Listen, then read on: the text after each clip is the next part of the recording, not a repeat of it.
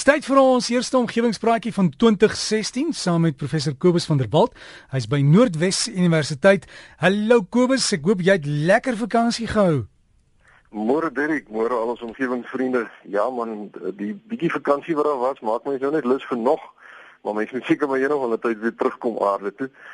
En uh, eergisterand met oujaarsaand het dit nou alweer geklink soos oorlog met mense wat vuurwerke oral afskiet. Ehm um, en uh, ek hoop al die troeteldiere is daarom al weer kalm en so aan. Dit is daarom nou net vir my vreemd dat baie mense nou eenvoudig nie wil luister as mens vra, moet asseblief nou nie goeders afskiet wat groot lawaai maak nie. Uh maar nou ja, uh, ek dink daar sal maar altyd mense wees wat wat dink hulle is bo kan die die wette en die goed verhewe. Maar gedagte van ontploffings wil ek graag vanoggend 'n brief bespreek wat ek ontvang het van Dominee Christo Viljoen van Kwaggapoort in Pretoria. En hy skryf dat in die tyd waarin ons leef, hoor ons nou gedurig van allerlei samesweringsteorieë en goed wat ons gaan tref uit die buitenste ruimte uit en so. En mense hoef maar nou net die sosiale media dop te hou om talle voorbeelde hiervan te sien. Ek glo nie vir jou sê allerlei mense maak ons van tyd tot tyd bang met einde van die wêreld teorieë en dat ons begin blikkies kos en goed bymekaar maak en planne begin maak. En hy sê daar het nou onlangs 'n nuwe teorie die lig gesien en dit is dat die Yellowstone vulkaniese uh swerm in die FSA eersdaags gaan ontplof en dat dit dan nou die einde van die wêreld gaan beteken.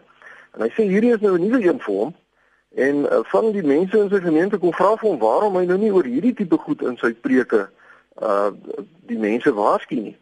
Hy sê hy sou graag my opinie wil hoor en wat ek nou dink ons moet doen aan die saak. Amerika vra glo nou al dat ander lande asseblief die Amerikaners moet begin huisves wanneer hierdie vulkaan ontplof. En aangesien meer as 2/3 van Amerika verwoes sal word as die vulkaan ontplof, ehm um, sal hulle nou omtrent 360 miljoen Amerikaners oor die wêreld wil versprei. En waar gaan almal dan nou heen en waar gaan uh die mense kos kry want gaan die vulkaan nie in alle geval die res van die wêreld ook vernietig nie. Nou baie dankie Dominee Christo Viljoen van Kwaggapoort vir u navraag en soos met alle goeie bangmaak stories het hierdie storie iets van die waarheid in. En die media en die rolprent wêreld hou natuurlik daarvan om sulke goed te sensasionaliseer, soos byvoorbeeld in die rolprent 2012 wat eh, in hierdie dae nou weer op die DStv uitgesaai word. Nou kom ons kyk eers gou presies wat by Yellowstone aan die gang is. Hierdie vulkaan is geleë in die noordwestelike hoek van die staat Wyoming in die VSA en dit is 'n reuse vulkaan want die krater is 55 km lank en 72 km breed. Dis 'n groot ding. Nou die krater het gevorm tydens die laaste van 3 superuitbarstings waarvan die geoloë nou weet en hierdie geweldige ontploffing het 640 000 jaar gelede plaasgevind. Die Yellowstone Nasionale Park as geheel sit eintlik bo op 4 oorvleelende kraters wat so half in 'n in 'n lyn lê. En dit wys vir ons dat daar 'n sogenaamde hotspot of dan 'n warm kol in die mantel van die aarde is en hierdie warm kol veroorsaak dat magma onder geweldige druk soms deur die oorliggende kos kan dring en dan 'n vulkaan vorm.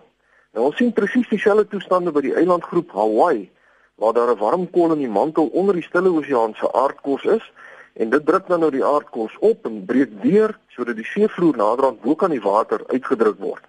En wat interessant is van Hawaii is dat die warm kol in die mantel op dieselfde plek bly. Hy staan stil, maar die posplate skuif bo oor die warm kol wat veroorsaak dat die magma elke paar miljoen jaar op 'n nuwe plek die seevloer bo kan die water uitdruk en 'n nuwe eiland vorm.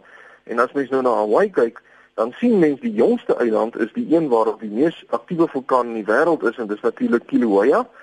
En die ander eilande lê mooi in 'n ry in dieselfde rigting as wat die Stille Oseaan korsplaat nou aan die skuif is. En hoe verder jy van die warm kol in die mantel afgaan, hoe ouer word die eilande. Nou ja, by Yellowstone kry ons presies dieselfde toestande. Behalwe dat die warmkool natuurlik nou onder land geleë is en nie onder die see nie.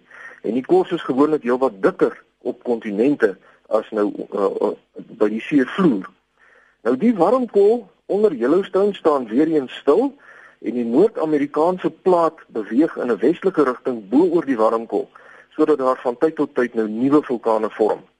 Nou oor die afgelope 18 miljoen jaar, dit is soos die wetenskap tans daarna kyk, was hierdie warmkool verantwoordelik vir 'n hele paar onsaglike uitbarstings omdat die magma wat van die mantel af nou opstyg oordek word deur 'n dik korslaag en daar bou dus ontsettende drukke op voordat die magma uiteindelik deur die kors breek en dan uitbars in massiewe ontploffings.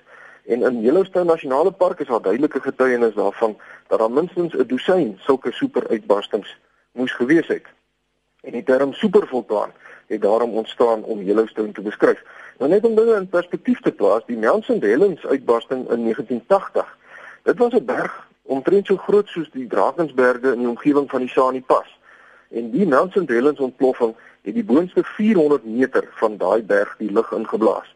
Nou in vergelyking hiermee was die voorlaaste superuitbarsting van Yellowstone omtrent 2.1 uh, miljoen jaar gelede was 2500 keer heftiger as die St. Helens ontploffing en dit het 'n krater met 'n deursnee van omtrent 80 km veroorsaak. Nou gelukkig is die vulkaan sedertdien redelik stil met slegs enkele stoomontploffings soos een wat omtrent 13800 jaar gelede 'n krater van 5 km wyd veroorsaak het. En vandag is Yellowstone natuurlik 'n gewilde toerisme aantreklikheid met sy geotermale warmbronne soos byvoorbeeld die bekende Old Faithful waar 'n massiewe straal van stoom en kokende water elke uur of so die lug ingeblaas word.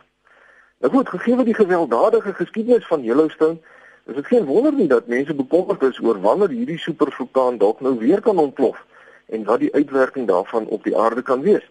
En daarom moniteer die Amerikaanse geologiese opname die vulkaan baie noukeurig. Hulle let veral op, op na die grootte en die frekwensie van aardbewings en dan weet hulle ook die hoogte van die grondoppervlak op 'n hele klomp plekke baie noukeurig. Want die beraming is dat eh, daar 'n magmakamer onder Yellowstone is wat 80 km lank en 20 km wyd is. En die warmkoel in die mantel voer nou voortdurend vars magma in hierdie kamer in, so die druk bou op. En as die aardbewings nou meer word en die landskap swel op, hy styg letterlik op van die hoër druk in die magmakamer, dan kan mens nou weet dat 'n uitbarsting op pad is. En vir 'n hele paar jaar tussen 2004 en 2008 was die mense nogal bekommerd want die swelling van die landskap was skielik omtrent 3 keer so vinnig as wat dit nog ooit was sedert hulle nou met metings in 1923 begin het. En dit is gedurende hierdie tyd dat die storie ontstaan het dat hierdie supervulkaan nou lanklaas ontplof het en dat sy volgende groot ontploffing naby is.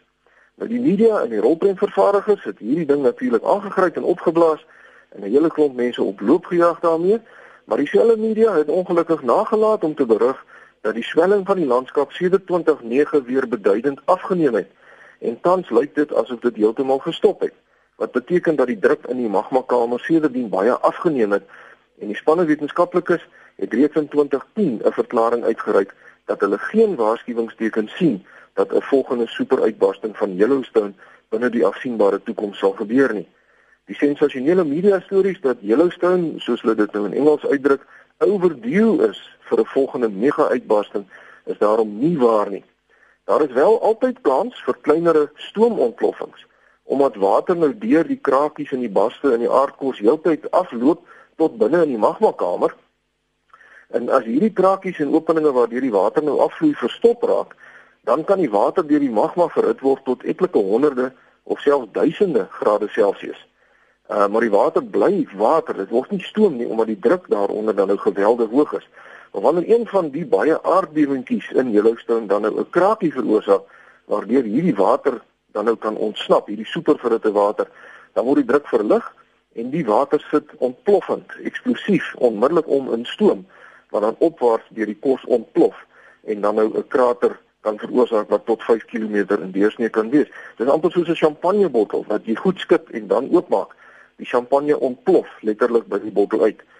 Nou alhoewel sulke stoomontploffings baie groot skade kan aanrig, sal die uitwerking daarvan nie op 'n globale skaal gesien kan word nie. So Dominee Viljoen, Yellowstone is gelukkig nou nie iets wat u in u preke hoef in te werk nie. En daarmee sluit ek vir oggend af. Skryf gerus, uh, skryf gerus vir my by kobus.vanderwalt by nwu.ac.za of soek maar net na omgewingspraatjies se Facebook bladsy. En daarmee wens ek julle almal 'n baie geseënde nuwe jaar toe en vriendelike groete tot 'n volgende keer. Kobus baie dankie en al die beste vir 2016 vir jou en jou familie en vriende en almal daar in die omgewing. En as jy weer die praatjie wil hoor, onthou dit sal hier by Maandag is potgooi beskikbaar wees by rsg.co.za. En as jy wil kontak maak of dalk net volg, gaan na Facebook omgewingspraatjies die meervoud en hou van die groep en dan kan jy die inligting kry. Dis omgewingspraatjies. Anders e-pos vir Kobus is kobus.vanderwalt by nwu.ac.za